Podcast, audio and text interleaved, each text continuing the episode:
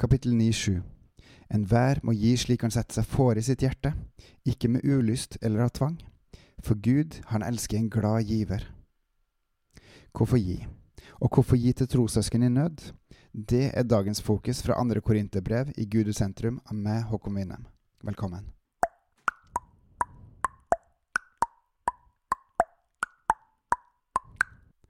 Paulus reiste rundt og gjorde mange gjerninger for Herren.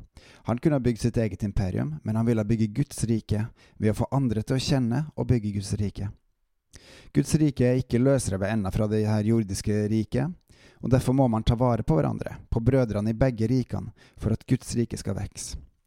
Viktig distinksjon, for samtidig som Guds rike er størst, må vi ikke glemme den verden vi lever i, og ikke motsatt, noe som virker å være tilfellet i dag. Glem ikke Matteus 6,33 om å søke først Guds rike og hans rettferdighet. I Guds rike eksisterer ikke samme valuta som her på jorda. Her skal vi gi keiseren hva som hans er, mens i Guds rike er det hjertet Gud vil ha, vår kjærlighet.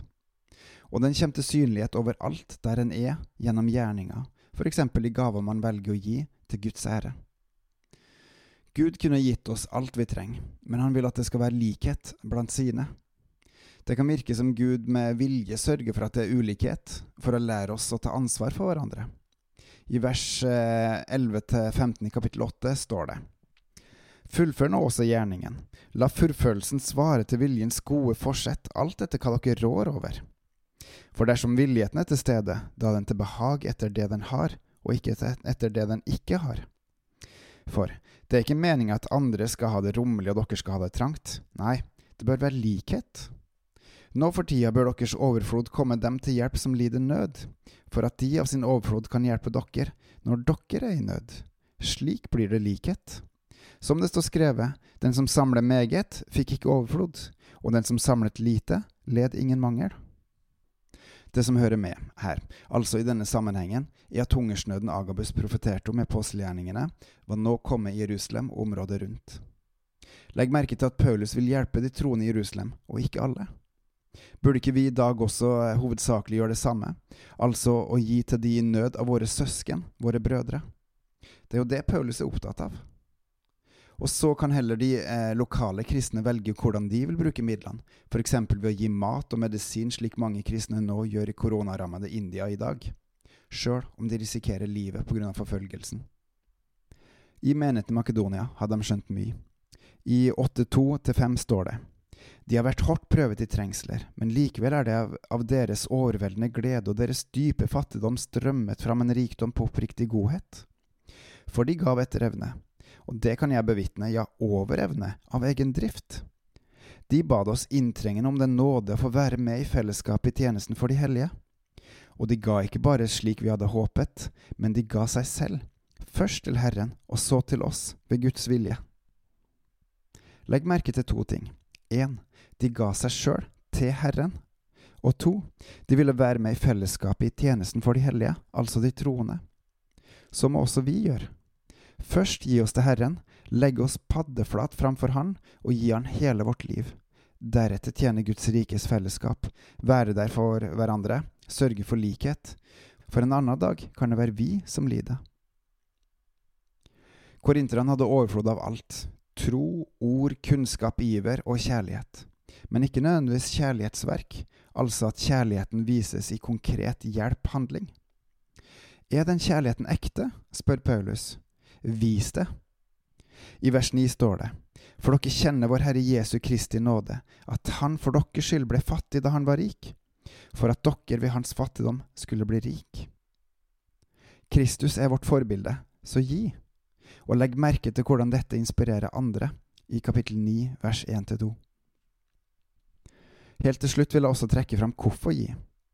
For eh, kapittel 9 vers 6-15 sier det så bra.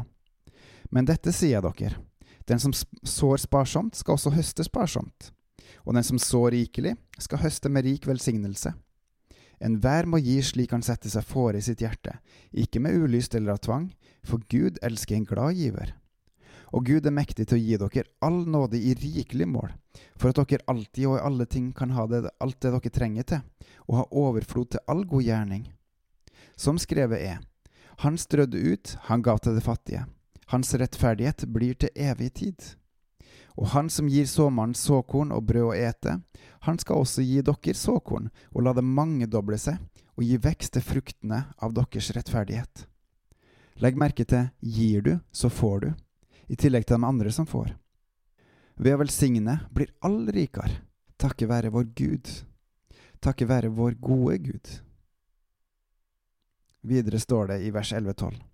Og så skal dere bli rike på alle ting til oppriktig godhet, som ved oss virker takksigelse til Gud. For den hjelp som gi, dere gir ved denne tjenesten, skal ikke bare fylle mangelen hos de hellige, men også skape overflod med mange takksigelser til Gud.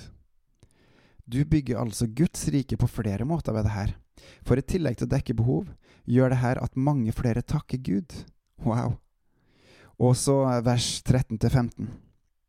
Denne givertjenesten prøver på ektheten hos dere, og de vil prise Gud for deres lydighet til å bekjenne Kristi evangelium, og for den oppriktige godhet dere viser i samfunnet, med dem og med alle. De vil be for dere og lengte etter dere på grunn av den rike nåde fra Gud som er over dere. Gud være takk for sin usigelige gave. Ved å gi viser du Gud at du tror og bryr deg om han og hans familie, vår familie, og de lengter etter dere og ber for dere på grunn av den gode gaven fra Gud. Hvorfor gi er det store spørsmålet, og hvorfor gi til de hellige, de som tror? Jeg må nå omprioritere hva jeg gir til, for det er mange søsken som lider i Asia, blant annet, som jeg kjenner til at jeg må vil engasjere meg i. Pytt han at jeg blir velsigna det her. Det viktigste er at Guds rike vokser, at Han blir kjent og etterfulgt, til Hans ære. Bebels og på gjenhør.